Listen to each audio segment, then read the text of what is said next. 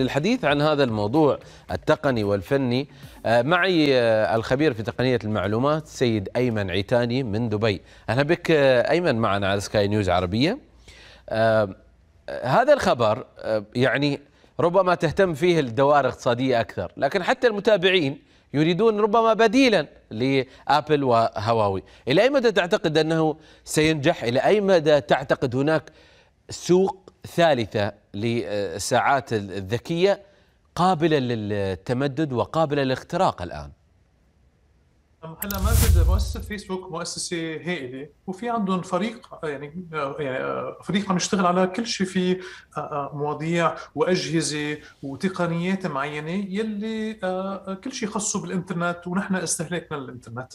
في حكي هلا إنه يمكن يكونوا يفوتوا بالأجهزة مثل الساعات لأنه هو الخطوة الثانية ماجد هلا. نحن كلنا صار معنا أجهزة تليفون الخطوة الثانية حتكون يعني عوينات ذكية آه، وساعات يعني هذا هي المرحلة الثانية. وشيء مثل جهاز Oculus اللي تفضلت فيه أنت لقيتين Oculus عندها فيسبوك اشترت مؤسسة وعم بتطور عليها. فهلأ عم يشوفوا شو في خطوات ثانية.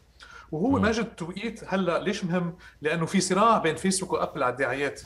أبل بتقول أنا بدي غير آه بدي غير الطريقة يلي ناس مثل فيسبوك عم يستعملوا دعايات ليوصلوا للناس. وفيسبوك عندها مشكلة بهالموضوع لأنه مردودها الأساسي مردود دعائي. فأجهزة مثل هيدي ماجد بتخليهم شوي يتخطوا في حال ابل قررت بدها تسكر عليهم بالكامل.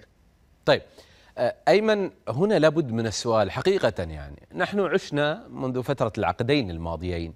تقنيات تلغي تقنيات. رأينا ما حدث مع هواتف نوكيا التي كنا نستخدمها. اليوم ابل وهواوي وسامسونج وشركات أخرى.